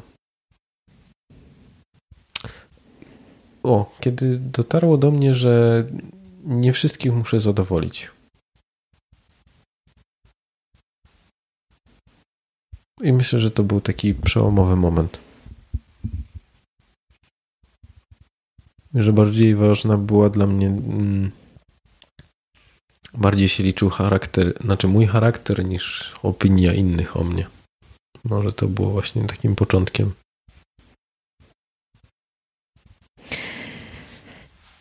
Powiedziałeś Twój charakter. Y, żeby pozwolić sobie na to, żeby być sobą, mhm. to trzeba gdzieś na, w którymś momencie uwierzyć, że ma się do tego prawo. Mhm. Że ma się prawo y, nie zaspokajać oczekiwań wszystkich ludzi dookoła, że y, mam prawo taka, jaka jestem, taki, jaki jestem, być, mieć swoje oczekiwania, swoje potrzeby. Y, wiesz, to jest niesamowite, że bardzo wiele osób zapytanych o to, co im sprawia przyjemność, albo nie potrafią na to pytanie odpowiedzieć, No albo dobra, mówią jakieś takie, powiedziałabym... Chodzenie po górach, czytanie książek, gotowanie. Wiesz co, chodzenie, jeżeli ktoś jeszcze mówi o chodzeniu po górach, y, to y, i, i naprawdę to jest coś, w co wierzy, a nie to jest na przykład, że tak w jego środowisku to jest przyjęte. Chodzi mhm. mi o to, że bardzo często jest tak, że ktoś rzecz, którą lubi, wymienia to, co uważa, że powinien lubić. Mhm. Czyli na przykład y, inteligentny człowiek to powinien lubić chodzić do teatru E, na przykład, albo nie wiem, na koncerty, tak? To jest taka fajna rozrywka, albo na przykład, nie wiem, e, chodzić na imprezy. E, wiesz, ja w pewnym momencie stwierdziłam, że ja po prostu bardzo nie lubię hałasu i bardzo przeszkadzają mi imprezy, chociaż przez wiele lat wydawało mi się, że czuję się na nich jak ryba w wodzie. Więc nagle, jak zaczynasz się sobie przyglądać swoim potrzebom i temu, co tak naprawdę ci sprawia przyjemność, wiesz, to, to się nie wydarzy, to, się nie, to nie będzie tak, że to się nagle wydarzy w pracy, a, a, a w życiu nie musi, bo się dzieje naturalnie. To się nigdzie nie dzieje naturalnie, bo nikt nas tego nie uczy, mhm. żeby zwracać uwagę na swoje potrzeby. Mało tego, zwracać uwagę na swoje potrzeby i wziąć odpowiedzialność za ich zaspokojenie. Nie przerzucać tą odpowiedzialność na innych. Ty mhm. mi zrób, żeby mi było dobrze. Ty mi tak stwórz, tak zorganizuj, tak, yy, wiesz, podaj na tacy, żeby mi było dobrze. Więc mi się wydaje, że to, o czym powiedziałeś, to jest w ogóle, wiesz, punkt wyjścia, e, bo jeżeli ja sobie nie daję prawa do tego, mhm. żeby wybierać rzeczy, które są dla mnie dobre, tylko spełniam cały czas oczekiwania innych, e, no to w ogóle nie ma o czym mówić. No i później zaczęła się bardzo ciekawa przygoda, bardzo ciekawy proces tak czy nie? No. Który nie trwa dwa dni, tak naprawdę. Który nie trwa dwa dni, dokładnie. No właśnie, to trzeba mocno zaznaczyć, że jakby dochodzenie do takiej spójności mm, to nie jest coś, czego, co można osiągnąć przez, nie wiem, weekendowy warsztat, albo nawet powiedziałbym tygodniowy, tylko to jest kwestia, do której dochodzi się w bardzo dużej mm, części samemu i no, odkrywa się ją po trochu. Tak, ale też y, parę razy tutaj w naszej rozmowie pojawiło się słowo odwaga. Mhm. E, mówiłeś o tej odwadze, że pójść do szefa i powiedzieć, że się czegoś nie wykona albo że czegoś nie można wykonać. Mhm. A wiesz co, ja bym jeszcze powiedziała o takiej odwadze e, do tego, żeby być tym, kim się jest. Czyli e, do tego, żeby właśnie czegoś nie umieć, kogoś poprosić o pomoc, powiedzieć, że z czymś sobie nie radzę, powiedzieć, że coś lubię, albo mieć odwagę powiedzieć, że się czegoś nie lubi, albo w mhm. jakiejś sytuacji się czuję źle. Ta sytuacja mi nie odpowiada, ta sytuacja jest dla mnie niekomfortowa. Tu się bardzo mocno przydaje też taka metoda e, Rosenberga, Marszala Rosenberga e, Nonviolent Communication, w skrócie NVC. W Polsce jest to tłumaczone albo nie tłumaczone, albo tłumaczone jako porozumienie bez przemocy. Mhm. I to jest fantastyczna metoda, która też funkcjonuje w różnych odmianach, czyli że mm, jeżeli mm, ja z kimś rozmawiam i czyjeś zachowanie było dla mnie trudne, to nie mówię, bo ty to zawsze, ty jesteś taki i taki. Trudno się było spodziewać czegoś innego, skoro zawsze. Tylko nazywam konkretne rzeczy po imieniu, mówię o konkretnych zachowaniach drugiej osoby, które wywołały we mnie konkretne uczucia. I naprawdę to jest y, często w relacjach przełomowe, bo bardzo często jest tak, że czujemy napięcie wobec kogoś, kto jest dla nas bardzo ważny, na czyim zdaniu nam bardzo zależy, bardzo nie chcemy zawieść tej osoby, a czujemy, że ta osoba daje nam za dużo. Mhm. A mogłabyś stworzyć taki komunikat, który powinien brzmieć poprawnie? Tak. E, jeżeli na przykład, e, nie wiem, jest powiedzmy jakaś impreza, za którą ja odpowiadam mhm. i ty jesteś moim przełożonym, przychodzisz i mówisz, kurde Kamila, tutaj zobacz, to brakuje, tu coś nie działa. I ja w tym momencie już nic z tym nie mogę zrobić, czuję mega napięcie, chcę, żebyś ty, jako mój przełożony, był z tego zadowolony, ale jest, y, no, jest już za późno, ja już tego nie zmienię. Ta impreza już trwa, jest mnóstwo różnych rzeczy, które trzeba ogarnąć. I teraz na przykład następnego dnia jest między nami jakieś napięcie, tak? Ty masz wrażenie, że ja tak nie do końca przyjmowałam te informacje zwrotne, a ja mam wrażenie, że po prostu, wiesz, byłeś wrzodem na dupie. E, no i teraz można stanąć naprzeciwko i powiedzieć: Dawid, bardzo chciałam, żeby ta impreza ci się podobała. Twoje zdanie jest dla mnie bardzo ważne. Jesteś dla mnie ważną osobą w tej firmie, ponieważ to Twoja informacja zwrotna e, ma największy wpływ tak naprawdę na to, jaki będzie mój następny krok. Mhm. E, wczoraj było mi bardzo trudno, kiedy wyrażałeś swoje niezadowolenie, mówiąc, że to i to nie działa, a ja już z tym w tym momencie nic nie mogłam zrobić. Następnym razem bardzo by mi pomogło, jakbyśmy się spotkali wcześniej i bym ci pewne rzeczy pokazała i byś mi na to zwrócił uwagę, albo teraz możemy o tym porozmawiać i zobaczyć, co następnym razem zrobimy inaczej. Mhm. Ale w trakcie, kiedy ja już z tym nic nie mogę zrobić, to ta sytuacja działa na mnie bardzo destrukcyjnie. Jak coś takiego przyjmujesz? Wiesz co, dla mnie to jest jak najbardziej trafna mm, taka kompleksowa informacja, bo wiesz... Nie mówię bo... ci, czepiałeś się. Y, nie bo... przymilczam z fochem na twarzy. Znaczy wiesz, przez to, że ty mówisz o, o jakby takim połączeniu emocji, y, tego co w tobie i jak to wpływa na biznes, y, no to mi pokazuje, że wiesz, jeszcze ty, ty tak naprawdę opisałeś wszystko, co się wydarzyło i prawdopodobnie ja postrzegałem to wszystko z bardzo pod, podobnej perspektywy. Więc takie przekazanie tych informacji, jak dla mnie, sprawia, że to jest coś, nad czym my możemy wspólnie pracować i dzięki temu, no i ty jeszcze poszłeś o krok naprzód i zaproponowałeś od razu jakieś rozwiązania. Czyli niekoniecznie to było na zasadzie, źle się z tym czułam i chciałabym, żebyś o tym wiedział, i teraz piłka jest po twojej stronie, tylko źle się z tym czułam, więc zróbmy to i to, żeby tak się więcej nie, nie działo. Ja wzięłam odpowiedzialność za swoje uczucia. Mhm. Wzięłam odpowiedzialność za to, co się ze mną wydarzyło, z czego to wynikało i miałam też odwagę ci powiedzieć, że mi na tobie zależy. Mhm. Miałam odwagę powiedzieć, że było mi trudno. No i widzisz, i z jednej strony ja jak najbardziej zgadzam się z takim rodzajem komunikatu, ale na pewno pojawia się gdzieś w głowach słuchaczy takie zastrzeżenie, kurde, to jest biznes, tu nie ma miejsca na, wiesz, w korporacjach nie ma miejsca na mówienie o emocjach i na takie klepanie się mm, po plecach w momencie, kiedy komuś I coś nie poszło. to jest pierwszy gwóźdź do trumny. Mhm. W firmach, w korporacjach pracują ludzie. Ludzie doświadczają emocji to emocje decydują o tym, czy są efektywni, czy są zaangażowani, jak bardzo są zaangażowani, jak dużo tej ich pary idzie w gwizdek. Więc nie zaopiekowanie się tym obszarem, to jest po prostu, wiesz, no to też jest takie y, kastrowanie ludzi z ich jestestwa. A co masz na myśli? No jakby mówienie o tym, że w biznesie nie ma miejsca na emocje, mhm. Y, to jest naiwność, lekkomyślność i okrucieństwo.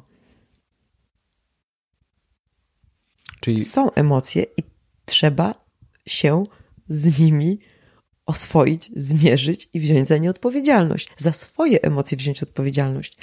To, że ja bym, to, że na przykład, nie wiem, jest prezes, który się nie wyżywa na ludziach, mhm to nie są emocje? No są emocje. To, że ktoś, nie wiem, na chłodno się na kimś mści albo rozgrywa jakieś partie i gierki, to nie są emocje?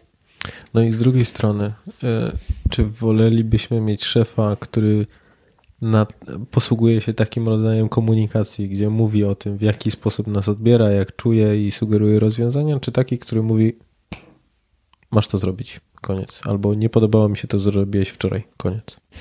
I tu dochodzimy do tego, że każdy z nas ma też e, swój indywidualny styl komunikacji. To, że ktoś mówi zrobić to, to nie znaczy, że też nie przeżywa tych emocji. Mhm.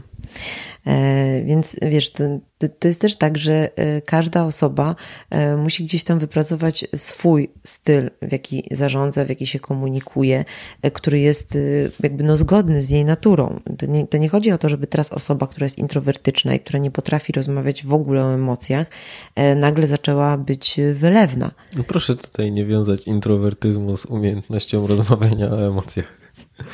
Ale Osoba introwertyczna e, może rozmawiać o emocjach jak najbardziej, natomiast no niekoniecznie będzie miała łatwość, żeby z, rozmawiać o tym z kimś, kto nie jest jej bliski, mhm. ale kto wywołał emocje. Natomiast jeżeli już sobie uświadomi, skąd się te emocje wzięły, co się wydarzyło, jakby wiesz, ta rozmowa, którą ja z tobą przed chwilą e, przeprowadziłam mhm. na temat tej hipotetycznej sytuacji, to jest rozmowa, którą ja też mogłabym przeprowadzić w swojej głowie. E, ty byś o tym nie wiedział, więc byłbyś trochę uboższy, ale ja bym zrozumiała, skąd wzięły się moje emocje i podjęłabym decyzję, czy coś z tym chcę zrobić, czy nie chcę z tym nic zrobić. Mogłabym do ciebie przyjść i nie mówić ci tego wszystkiego, co ci powiedziałam, tylko powiedzieć, wiesz co, Dawid, mam do ciebie prośbę. Jak będzie następna impreza, spotkajmy się dzień wcześniej i przegadajmy te rzeczy, bo w dniu imprezy to już nie ma sensu. Mhm. Jakby ten komunikat można na różne sposoby zredagować podług linii Twoich wewnętrznych upodobań no interpersonalnych. Właśnie, tutaj, dokładnie, czyli pozostajemy też spójni z samym sobą, bo jeżeli ktoś czułby się źle, mówiąc o, w taki sposób, jaki ty to przedstawiłaś y, wcześniej, czyli ten taki bardzo, y, bardzo detaliczny i, i, i pójść w szczegóły, E, no nie, nie każdy może czuć się dobrze w momencie, kiedy by go wypowiadał, więc fajnie, że zaznaczasz, że trzeba to dostosować do siebie. Ale odważyć się, spojrzeć, mhm. co się tak naprawdę wydarzyło, jakie moje potrzeby zostały, nie zostały zaspokojone, z czego to wynikało, z jakich działań. Nie bo ktoś taki jest i taki zawsze będzie, tylko co się konkretnie wydarzyło. Mhm. No dobrze, a jeżeli już mówimy o takim szefie. Znaczy, może inaczej. Praca w organizacji to też jest praca z innymi ludźmi i czasami zdarza się tak, że ci, z którymi pracujemy, powiedzmy łagodnie, że nie są najbliżsi naszemu sercu. I co w takich sytuacjach, kiedy pracujemy z ludźmi, których tak naprawdę nie lubimy? Bo biorąc pod uwagę, że w pracy spędzamy minimum 8 godzin dziennie, E, to czasami jest więcej niż w domu, e, no to jest całkiem duży okres naszego życia. Więc co zrobić, kiedy my z ludźmi, z którymi przebywamy, nie mamy najlepszego kontaktu albo wręcz no, po prostu ich nie lubimy? Ja bym zaczęła od tego, żeby się przyjrzeć, dlaczego ja tych ludzi nie lubię. Mhm. Czy ja nie lubię całego środowiska? Czy ja nie lubię całej organizacji? Czy ja nie lubię konkretnych osób za konkretne rzeczy? E, ja jestem mm, zdecydowanie takiego zdania, że nic bardziej nie denerwuje w innych niż to, czego się nie chce zauważyć w sobie. I każda osoba, która mnie denerwuje, jest w moim życiu po to, żebym się czegoś o sobie dowiedziała. Mhm. Więc to jest praca. To jest kolejna szansa do tego, żeby się rozwinąć. Oczywiście y, bez przesady, bo jeżeli y, proporcje są takie, że jeżeli nie, bo ja też nie chcę mówić o tym, że jeżeli jesteśmy w jakimś wyjątkowo nieprzyjemnym, nieprzyjaznym nam środowisku, nie wiem, jakieś y, nadużycia się pojawiają i takie rzeczy, które gdzieś tam godzą w system wartości, mhm. to zdecydowanie warto jest albo zmienić dział, albo zmienić sobie warunki pracy, nie wiem, przejść na home office, e, jakąś tą, jakoś tą sprawę, sprawą zarządzić już na takim, wiesz, formalnym poziomie. Ale jeżeli ta sytuacja jest do zniesienia, po prostu kogoś nie lubię, to mogę się zastanowić nad tym, dlaczego tej osoby nie lubię. Ja mm, powiem Ci, że mm, mnóstwo razy miałam taką sytuację, że myślałam sobie, kurczę, jeżeli rzeczywiście jest tak, że w innych drażnią nas te rzeczy, których w sobie nie akceptujemy, to ja naprawdę no, no, nie wiem, jak mam to coś w sobie znaleźć. Mhm. No i się okazywało, że prędzej czy później, że tak, że to jest coś, z czym ja u siebie mam jakiś tam problem. Mhm. I czemu warto się w sobie przyjrzeć. Ale też jest tak, że mm, bardzo często nie lubimy kogoś, bo właśnie nie umiemy komunikować swoich potrzeb. Nie potrafimy komuś powiedzieć, słuchaj, nie jedz przy biurku, bo mnie to denerwuje, jak mlaszczesz. Albo yy, weź proszę cię, wyłącz wibrację, bo całe biurko chodzi od twojego telefonu, mimo tego, że dźwięk jest wyłączony.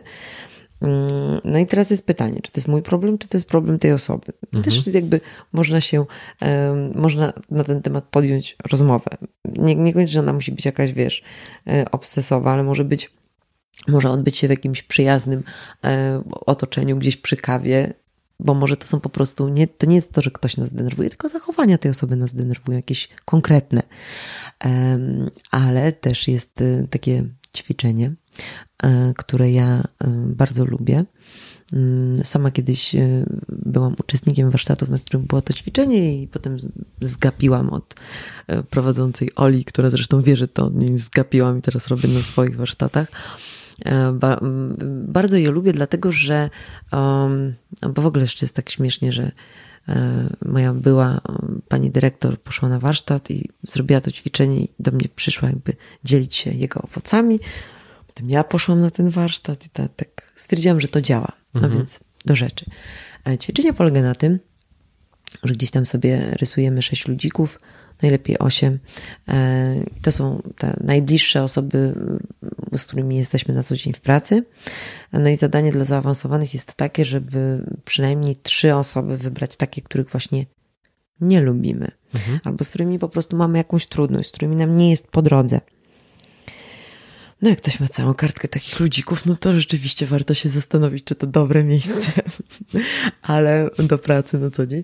No ale powiedzmy, że tych ludzików, żeby były trzy trzy, cztery. Te osoby, z którymi mamy trudność.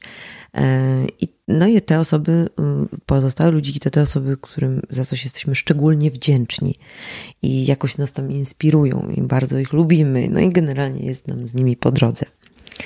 No i teraz chodzi o to, żeby znaleźć w każdej z tych osób, w każdej, w jednej, w drugiej grupie, mhm. przynajmniej dwie rzeczy, za które te osoby cenimy. I ja ten, to ćwiczenie robiłam już dziesiątki razy na warsztatach i nie ma reguły. Jedne osoby mają problem z tym, żeby znaleźć coś dobrego w tych ludziach, którzy są im bliscy, bo to wcale nie jest takie oczywiste. Lubię kogoś, ale nie wiem za co go lubię. Mhm. No inspiruję, ale nie wiem za co. No, no nie wiem za co. Eee, no ale oczywiście zawsze bardzo często jest właśnie trudność związana z tym, jak mam znaleźć w kimś, kogo tak nie lubię, kto mnie tak denerwuje, jakieś pozytywne aspekty. No i dobra, tam się ludzie męczą, ja też się męczyłam. No i dobra, już jest, jest. W każdym po dwa, w każdym po dwa. Dobra. To teraz najważniejszy etap ćwiczenia. W ciągu dwóch najbliższych tygodni pójść do każdej z tych osób i powiedzieć te dwie rzeczy, za które cenimy. Najlepiej, najwyżej punktowane jest zadanie, kiedy ta osoba robi to, i my to zauważamy i wtedy jej mówimy. Mhm. Czyli nie wiem, cenię to, że ktoś na przykład super mi pomoże z Excelem. I wtedy mhm. mówię, słuchaj, wiesz co, ty jesteś mistrzem Excela. Jak ty mi pomożesz z tym Excelem, to po prostu od razu cały dzień mi, wiesz, z górki. Więc nagle y, wszyscy wtedy robią, o nie, nie wyobrażam sobie tego, ale właśnie y, ta moja dyrektorka do mnie przyszła i mi właśnie powiedziała, za co mnie ceni, tam żeśmy obie, wiesz, się prawie popłakałyśmy i w ogóle, y, bo to było bardzo wzruszające i to też pokazuje, że jednak lubimy na co dzień y, ludzi, ale im nie mówimy, co w nich cenimy. I A ty jest... byłaś w tej trójce lubianej? Lubianej, lubianej, wiesz, lubianej. E, natomiast Pamiętam właśnie też, jaką miałam trudność z podejściem do osób, których nie lubiłam i powiedzeniem mi tych rzeczy. Jakby mhm. trzy razy zawracałam. No nie mogłam, nie mogłam, nie mogłam, nie mogłam. Ale wiesz, że jak w końcu powiedziałam tym ludziom, z którymi było mi tak trudno na co dzień w pracy, te rzeczy, które w nich cenię, to wiesz, że przestałam ich nie lubić. Coś się takiego wydarzyło, że przestałam ich nie lubić. Znaczy nie to, że ich polubiłam, ten, ten, cud jakiś wielki nie wydarzył. Ale mhm. zeszło ze mnie jakieś niesamowite napięcie wobec tych osób. Czyli można powiedzieć, że stały się neutralne dla ciebie? Tak. A jesteś I... w stanie mniej więcej określić, dla, że dlaczego tak się stało? Wiesz co, to był bardzo ciekawy moment. Jedną i drugą z tych sytuacji pamiętam, bo pamiętam, jak duże na nich to zrobiło wrażenie. Mhm. Co się wtedy między nami wydarzyło? Rozumiesz, jakby wyrażenie wdzięczności wobec drugiego człowieka za jakieś jego działanie ma tak dużą moc, że generalnie czyści dużo napięcia w mhm. relacji. Po prostu. Usuwa dużo nagromadzonego napięcia, tego, które się tam gromadzi tygodniami. Jak kogoś nie lubisz, to każdego dnia nie lubisz coraz bardziej, taka jest prawda. No i czasami da się to wyczuć. Hmm. Ale to jest dla odważnych. To jest dla odważnych i parę osób do mnie wróciło po warsztacie i powiedziało mi swoje historie z tym związane i ja po prostu wiem, że to działa. Mhm. A czy jest wersja dla nieodważnych? Powiem tak, nieodważni i jeszcze na dodatek niechcący wziąć za siebie odpowiedzialności. Mhm.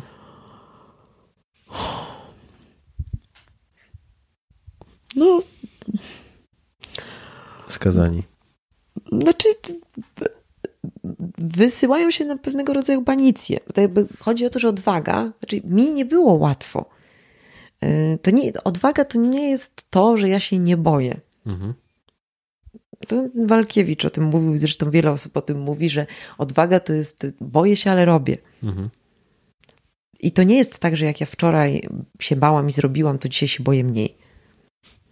To jest praktyka. To jest tak jak, nie wiem, chodzenie na siłownię, y, uczenie się języka. Y, to jest pewna praktyka, która nie jest y, oczywista i nie jest naszym nawykiem od urodzenia. Konfrontowanie się z rzeczami, które są trudne, ale to bez tego nie przejdzie się dalej. Jakby tymi samymi zachowaniami i narzędziami nie wejdziemy w nową sytuację. Jeżeli chcemy, żeby sytuacja się zmieniła, to należy zmienić zachowanie, narzędzia. No nie da się czekać mhm. i oczekiwać, wiesz, że samo z siebie się po prostu inaczej poukłada. No, można jeszcze wytruć tych ludzi, no. Dawid, no, no, no, co ci mam powiedzieć? No, ale wtedy... to też wymaga na pewnym e, poziomie odwagi. No i odwagi do tego, że, żeby to zrobić i żeby potem przejąć obowiązki, które po nich zostaną. Mhm. Powiedz mi, w momencie, kiedy zastanawiamy się nad tym, dlaczego nie lubimy danej osoby, to jak wygląda taki dialog wewnętrzny? Jakie pytania sobie zadawać, żeby łatwiej dochodzić do, do wniosków, co w tej drugiej osobie mi przeszkadza? Przede wszystkim zauważać sytuacje, w których to się dzieje, w których to się pojawia. Mhm. Zauważyć tą sytuację, zauważyć, co robi ta druga osoba, z jakiego zachowania składa się, e, wiesz, jakby to, to mogą być małe podzespoły na przykład. To mhm. może nagle się okazać właśnie, że to jest, nie wiem, gryzienie e, orzeszków albo, e, nie wiem, głośne rozmawianie, załatwianie prywatnych spraw przez telefon, tak? E, może być to inny sposób myślenia. Ja uważam, że wszyscy jesteśmy niepowtarzalni, mamy swoje indywidualne usposobienie i bardzo często jest tak, że przez pryzmat tego naszego indywidualnego usposobienia patrzymy na innych. Czyli na przykład, jeżeli ja jestem wylewna, ekstrawertyczna, e, przychodzę do biura i moje trzy koleżanki nie podnoszą głowy z nad laptopa, mhm. żeby się ze mną przywitać, to mogę sobie pomyśleć, że gdybym ja się tak zachowała, to miałabym kogoś w nosie, e, byłaby mi ta osoba obojętna, albo byłby to akt z premedytacją e, wymierzonej kary. Mhm. Tymczasem one są tak skupione na zadaniu, mają taki sposób działania, i to w ogóle nie jest nic przeciwko mnie, natomiast mi jest bardzo trudno wytrzymać e, obojętność emocjonalną.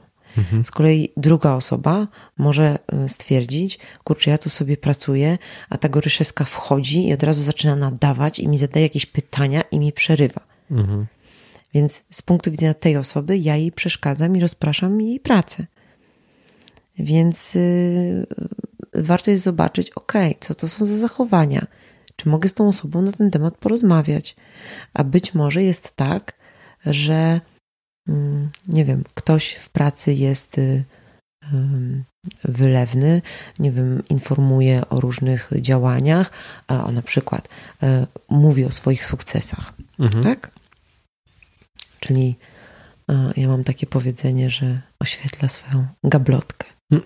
Mhm. E, czyli ma jakieś eksponaty, które są jego dziełem i teraz po prostu zapala w tej gablotce światło, tak żeby to wszyscy widzieli. Czyli mówi, zrobiłem, wykonałem, zamknęliśmy, dopięliśmy, osiągnęliśmy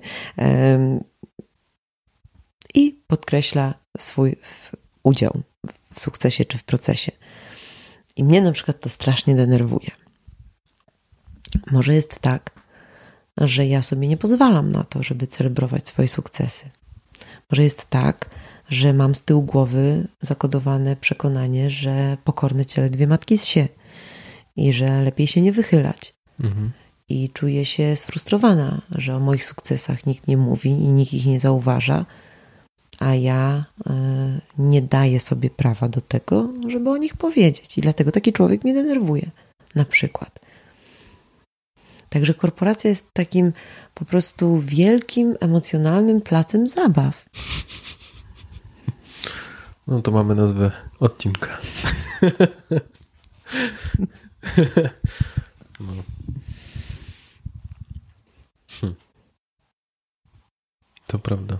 Znaczy, ja też nie ograniczyłbym się tutaj do korporacji, tylko e, ponieważ my niejako jesteśmy skazani na pewnych ludzi, więc możemy sobie ich pooglądać codziennie też w różnych sytuacjach. E, a no, jakby w innych sferach życia też możemy podglądać innych. No ale wystarczy wrócić, pojechać do rodzinnego domu i spędzić z bliskimi dobę lub dwie. No, to też y, pojawią się emocje, prawda? Mhm. U jednych mniejsze, u drugich większe, ale no tak jak y, właśnie powiedziałeś, że widzimy tych ludzi w różnych sytuacjach. E, każda osoba, z którą byśmy spędzili, e, wiesz, e, większą ilość czasu, w pewnym momencie zaczęłaby generować w nas jakieś uczucia. To jest taki słynny, oczyszczający proces, który się nazywa Vipassana. Nie wiem, czy o tym słyszałeś. Mm. To jest taka metoda z Indii. W Polsce jest też kilka ośrodków, gdzie można pojechać i przejść ten proces. Jedziesz na 12 dni do środka. Na wejściu mm, trzeba oddać wszystkie leki, telefon, e, nie wiem, książki, smartfony.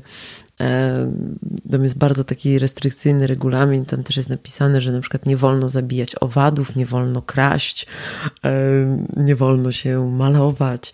Generalnie od czwartej rano do 21 z przerwami małymi na posiłki ciągle medytujesz. I nie ma odskoczni, bo też nie można uprawiać sportu. Osoba nawet, z którą mieszkasz w pokoju, no nie wolno mówić. Czyli nie masz żadnej e, kompulsji, żadnej aktywności, w którą możesz uciec. E, co dla większości osób, bo wiesz, uzależnienia kojarzą się z nie wiem, alkohol, narkotyki, hazard. Tymczasem mnóstwo osób jest uzależnionych też od, e, od telefonu, od sportu, od gadania, od narzekania, od utrzymywania się w jakichś, wiesz, schematach myślowych, więc jeżeli tego wszystkiego nie masz, no to zaczynasz się konfrontować ze sobą. I to jest troszkę mordęga. E, ja akurat nie brałam udziału w Vipassanie, ale trzy bardzo bliskie mi y, dziewczyny właśnie opowiadały, e, jaki to był proces y, i z czym się tam mierzyły i jakie rzeczy do ciebie dochodzą. I trochę tak jest, że, że jeżeli nie ma ucieczki w coś innego, jesteśmy właśnie skazani na kogoś, na mhm. czyjeś towarzystwo, to pewne rzeczy, które w nas są gdzieś niezagojone, niezaopiekowane, nie, nie, nieskonfrontowane, e, niezauważone, niedocenione, się odzywają hmm. i próbują się dobić do głosu. E, chciałbym też jeszcze zapytać o, o o ciężkie rozmowy, ponieważ ty przez pryzmat stanowiska czy stanowisk, które, e, które piastowałaś, miałaś też całkiem sporo doświadczenia w odbywaniu e, trudnych rozmów. Domyślam że, się, że, że zarówno z, z klientami, czy, czy też bezpośrednio z pracownikami. I powiedz mi, jak się zachowywać w takich sytuacjach, kiedy czujemy się niekomfortowo jako przełożeni czy też pracownicy? Wiesz co, tutaj takim kluczem jest szacunek. Mhm. E, to zależy oczywiście, dlaczego czujemy się niekomfortowo. E, czy zostały złamane zasady mhm. współpracy, czy zostały e, jakieś inne naruszenia się odbyły po którejś ze stron. I, i teraz jakby moja rozmowa ma na celu to, żeby po prostu Moja, moja rozmowa jest rozmową dyscyplinującą. E, więc mm, to wszystko zależy od y, kontekstu i od tego, i od y, tego w jakiej jak, jaki jest ten y, punkt wyjścia i też z czym przychodzi ta druga strona. Mhm. Bo jeżeli druga strona jest świadoma tego, że ok, mamy coś trudnego i teraz poradźmy sobie jakoś z tym, to oczywiście ta rozmowa przebiega dosyć przyjemnie. Natomiast często Mm, jest tak, że druga strona nie poczuwa się do jakiejkolwiek odpowiedzialności. E, wiesz, no, metoda zdartej płyty, szacunek, komunikacja bez przemocy. Mhm. E, trzeba wiedzieć przede wszystkim, gdzie są granice. Trzeba wiedzieć, czego się oczekuje po takiej rozmowie, bo im trudniejsza rozmowa, tym lepiej, jak jest mniej słów co w moim wypadku jest gehenną. E, natomiast jeżeli rozmawiasz z kimś, no, kto nie do końca jest po twojej stronie mhm. E, i nie chcesz eskalować tej sytuacji, to im bardziej czysty i klarowny przekaz, tym lepiej. Jakie są moje oczekiwania, co się wydarzyło, nazywanie zdarzeń, a nie człowieka, nie etykietowanie człowieka. Czyli rozmawianie o konkretach. Mhm. mhm. Okej. Okay. No dobra. A masz jakąś, e, masz jakieś takie sytuacje ciężkich rozmów, które dały ci najwięcej, albo zapamiętasz je do końca życia z jakiegoś względu? Wiesz co, mam takie rozmowy, ale właśnie to nie są y, te rozmowy, które dotyczą jakichś, y, nie wiem, spektakularnych rzeczy, które się gdzieś tam działy w hotelu i ja sobie jakoś musiałam z trudną sytuacją i z trudnymi gośćmi w hotelu albo z jakimiś tam współpracownikami poradzić. Mhm.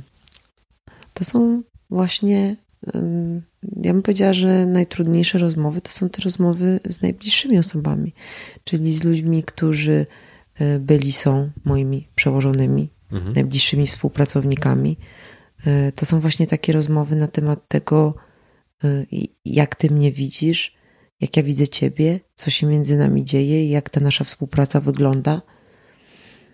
No tak, bo z jednej strony jest się jak saper w trakcie takiej rozmowy, ponieważ jedno złe zdanie może zaważyć na waszej relacji w momencie, kiedy wy jesteście z blisk, jakby skazani na, na siebie na co dzień. W przypadku takiego niezadowolonego klienta, to jedyne co, znaczy najgorsza rzecz, jaką może, może, może się pojawić, to to, że obsmaruje nas w sieci i tyle. Tak, ale łatwiej wbrew pozorom jest y, y, rozmawiać z kimś, kto jest obcy. Mhm. E, i po prostu mamy z nim do załatwienia sprawę. Dużo trudniej rozmawia się z kimś, kto jest z nami blisko, kto jest naszym bliskim współpracownikiem. E, ilu menadżerów potrafi zapytać swoich pracowników e, o informację zwrotną odnośnie siebie, swojego sposobu zarządzania, mhm. udzielonego wsparcia? Ilu tworzy warunki, w których ludzie bez lęku odpowiadają na takie pytanie. Mhm. No, no, naprawdę. Tak, tak. To, to jest też ważny aspekt, żeby mówić o tym, że, że do tego wymagają, znaczy wymagane są specjalne warunki, żeby właśnie też nie, nie rzucać pytaniem w sytuacjach, kiedy na przykład kończymy ocenę okresową pracownika i powiedzieć mu, a jak ci się w ogóle ze mną pracuje? No bo może to nie przyniesie określonych skutków. Okej. Okay. Wypisałem sobie też takie mity na temat korporacji e, i myślę, że część z nich też już jakby omówiliśmy w trakcie tej rozmowy, bo chciałbym też ośmielić e, ludzi, może nie tyle to mm, ośmielić ludzi i pokazać im tą, tą twarz korporacji nie tylko znaną e, z opowieści na temat tego, że to jest twór, który po prostu wysysa z ludzi życie e, i jest stworzony tylko i wyłącznie do zarabiania pieniędzy. I dwie najczęściej pojawiające się mm, takie określenia dotyczące korporacji to to, że to jest wyścig szczurów i że to jest e, organizacja, która traktuje ludzi jako cyferkę w Excelu. I co ty o tym myślisz? Wiesz co, wydaje mi się, że yy, znaczy wydaje mi się, y, to jest znowu bardzo duże uogólnienie, yy, ale było ono bardzo blisko prawdy, nie wiem, jakieś 7-8 lat temu. E, kiedy zdecydowanie tych prestiżowych y, miejsc pracy i stanowisk było dużo mniej w stosunku do osób, które były gotowe je objąć na mhm. rynku. Aktualnie sytuacja się zmieniła i naprawdę rynek pracownika to nie jest mit, to się naprawdę dzieje i też widać, jak często specjaliści zmieniają pracę, po prostu ze względu na to, że gdzieś pojawiła się inna oferta. W tym też pomaga e, na przykład LinkedIn, tak, że łatwiej jest nas znaleźć. To nas jest już łatwiej znaleźć, nie tylko my musimy szukać. E, I to generuje, myślę, taką sytuację, w której e, tak nie bardzo nawet z kim jest się ścigać. I też bardzo często widzę taką sytuację, że no nie ma, wiesz, osób, które są chętne awansować, że ludzie są świadomi tego, w którym są miejscu i jaką cenę będą musieli zapłacić za wyższe stanowisko i nie chcą tej ceny płacić. Mhm. Więc y, z tym ściganiem się myślę, że tak y, leniwa ta wyścigowa reprezentacja. E, jeżeli chodzi właśnie, wiesz, o taki proces, nie wiem, podgryzania się czy robienia. Ludzie są bardziej skupieni na sobie, e, na tym, e, co jest ich zadaniem, co, z czym mają się zmierzyć, niż na tym, jak w tym czasie idzie jadzi. Mhm. Każdy bardziej, myślę, pielęgnuje swój ogródek niż, niż biega po sąsiadach i patrzy, wiesz, jak u nich, bo ja muszę lepiej. Tak Chyba, że, ale przepraszam, bo mhm. też nie chcę uogólniać, bo podejrzewam, że są takie y, wciąż przestrzenie czy środowiska, gdzie ludzie są nastawiani y, wręcz przez kulturę organizacji rywalizacyjnie wobec siebie. Mhm. I są rozliczani z wyniku. Te wyniki są gdzieś tam, wiesz, ciągle y, podnoszone i zestawiane ze sobą. Natomiast ja w takiej organizacji nie pracuję. Ja nie czuję, że jestem w środowisku, które jest nastawione właśnie, wiesz, tak rywalizacyjnie. Mhm. Ja też się bardzo rzadko spotykałem w ogóle z ludźmi, którzy kiedykolwiek mieli okazję pracować w takich środowiskach, e, jeżeli odnosimy się do korporacyjnych. Ponieważ jeżeli bardzo często spotykałem się z takimi określeniami w momencie, kiedy mówiliśmy o, o małych albo średnich przedsiębiorcach, bo tam realizacja planu sprzedażowego, no to często było być lub nie być. A w korporacji, no najwyżej będzie rozmowa naprawcza, i korporacja będzie płynąć dalej swoim kursem. A dehumanizacja, czyli to właśnie traktowanie ludzi jako tylko i wyłącznie mm, numerku, numerka albo, albo określanie, że to cyferka w Excelu? Spotkałaś się z czymś takim? Mm, ja się z czymś takim nie spotkałam, mhm. ale może po prostu miałam takie szczęście.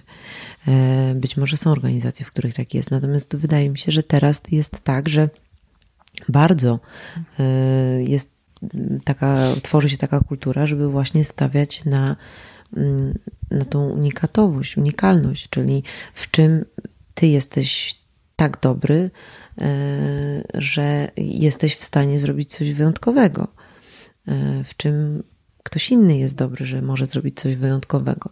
Zwracanie uwagi na czyjś potencjał, na czyjeś umiejętności, na czyjeś predyspozycje. Myślę, że do tego też y, służą różnego rodzaju narzędzia, między innymi metodologia Galupa e, i y, praca y, na mocnych stronach, na talentach. Mhm. E, i komunikowanie się tak naprawdę właśnie przez te talenty, przez, te, przez tą wyjątkowość e, w organizacji, czyli właśnie sławetne, a bo to twój aktywator mówi do mojego stratega. E, no, myślę, że to jest ten odległy biegun mhm. od, od tego, że ktoś jest, wiesz, cyferką, że już um, jednak um, chce się tworzyć coraz bardziej twórcze środowiska pracy Zwróć uwagę, że wszystkie zespoły projektowe, wiesz, wchodzące takie narzędzia jak design thinking, które pobudzają w ludziach kreatywne procesy, które mają mieć konkretne przełożenie na biznes, oczywiście, ale żeby człowiek był kreatywny, to musi się odwołać do jakiejś swojej unikalnej istoty, mhm. a nie do siebie, nie do swojej, e, powiedziałabym, uniwersalnej. Wiesz, chodzi o to, żeby po prostu nie, mm, nie skupiać się na tym, e, co ja w tym momencie mogę wymyślić, co wymyślą wszyscy. Mhm E, tylko poszukać głębiej w swoich skojarzeniach, czyli w czymś, co mam tylko ja, co tylko u mnie się tak układa. Ja, ale mogłem być spaczona przez moje, e, mój sposób widzenia świata, bo ja zawsze widzę pojedyncze i konkretne osoby. Mhm. Dla mnie nie ma grupy ludzi.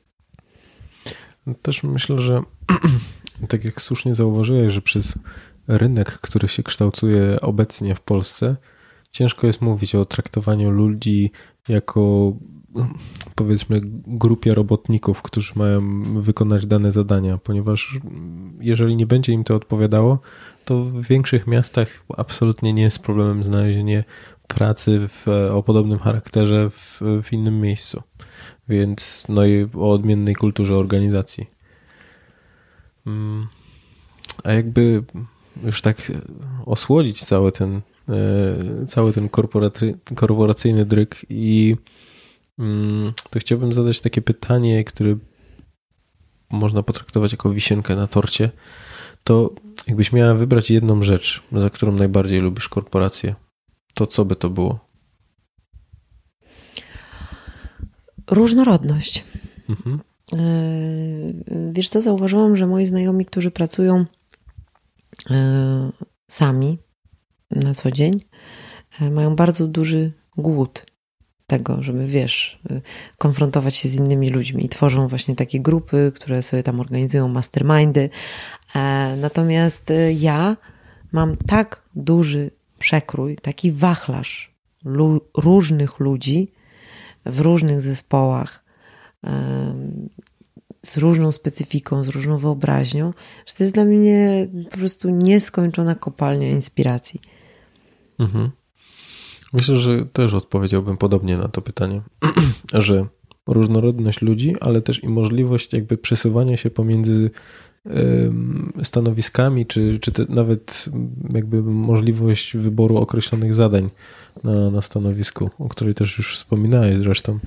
E, to zdecydowanie tak. Więc myślę, że, że ta różnorodność, którą, którą korporacje ofier, jakby oferują, to jest jedna z największych wartości. I mnóstwo rzeczy, o które się po prostu nie muszę martwić, a na które wiem, że gdzieś tam musiałabym poświęcać czas, jeżeli nie pracowałabym w korporacji, tylko na przykład miałabym swoją działalność. Mhm. Wiesz, jeżeli, nie wiem, podpisuję umowę z jakimś dostawcą, to mam prawników, którzy to sprawdzą. E, jeżeli, wiesz, sprawy księgowe są osoby, które mm, się na tym świetnie znają, sprawy kadrowe, sprawy dotyczące prawa pracy, dotyczące, nie wiem, trendów e, na rynku. E, no, w każdej z tych dziedzin są mhm. specjaliści. Ja nie muszę wyważać drzwi otwartych na oścież, ja mogę bardzo szybko uzyskać informacje, wsparcie i nie tracić czasu na rzeczy, którymi się nie chcę zajmować. Ja też w taki sposób patrzę na korporacje, że jest to grupa ekspertów, każdy jest w swojej działce bardzo dobry i te działki, których ja nie chcę w, jakiś sposób e, zagospodarowywać, zagospodarowują inne osoby i one się tam dobrze czują. Czym dla ciebie jest charyzma? Charyzma dla mnie to jest energia. E, to jest energia, to jest y, poziom energii i to jest nawet, mm, okazało się, że coś, co intuicyjnie czułam przez wiele lat, jest y, naukowo zbadane i nawet pomierzone. Mhm. Jest y, David Hawkins, znaczy on już nie żyje, ale on stworzył taką, taką tabelę, w której rozpisał e, częstotliwość y, energetyczną i do tego stan, w jakim się człowiek znajduje. Mhm. Na samym dole, najniżej, jest wstyd. to jest prawie, że agonia i apatia. To jest właśnie to najbardziej niszczące uczucie, najbardziej pozbawiające charyzmy. Mhm. E, no i później idziemy tak wyżej, gdzieś tam się pojawia żal, e, smutek, e, tego typu uczucia. No tam jest wiele, wiele ich wymienionych, natomiast coś zaczyna się zmieniać na poziomie 200 i tam się pojawia złość. Według mnie bardzo niedoceniane uczucie bardzo niedoceniany potencjał tego uczucia, ponieważ on właśnie niesie za sobą bardzo duży ładunek energetyczny. I ten ładunek, jeżeli się go nie roztrwoni na dzwonienie po wszystkich i mówienie, jak mnie on zdenerwował, bo powiedział to i tamto, tylko stanie się takim nośnikiem do zmiany, e, to jest bardzo bardzo, bardzo, działa bardzo korzystnie ten ładunek energetyczny. I na przykład właśnie uważam, że takie osoby powiedzmy, e, jak e, na przykład, nie wiem, Hitler, tak, który gdzieś tam bardzo silnie w tej złości, wydaje mi się, że on jest takim ucieleśnieniem tego poziomu energetycznego, to z kolei zarezonowało z tym poziomem upokorzenia po I wojnie, tego jak Niemcy się czuli, tak? I gdzieś tam y, on był trochę wyżej energetycznie niż oni i tak pociągnął za sobą. No i później mamy kolejne stany. E, gdzieś tam w okolicy 540 pojawia się e, bezwarunkowa miłość.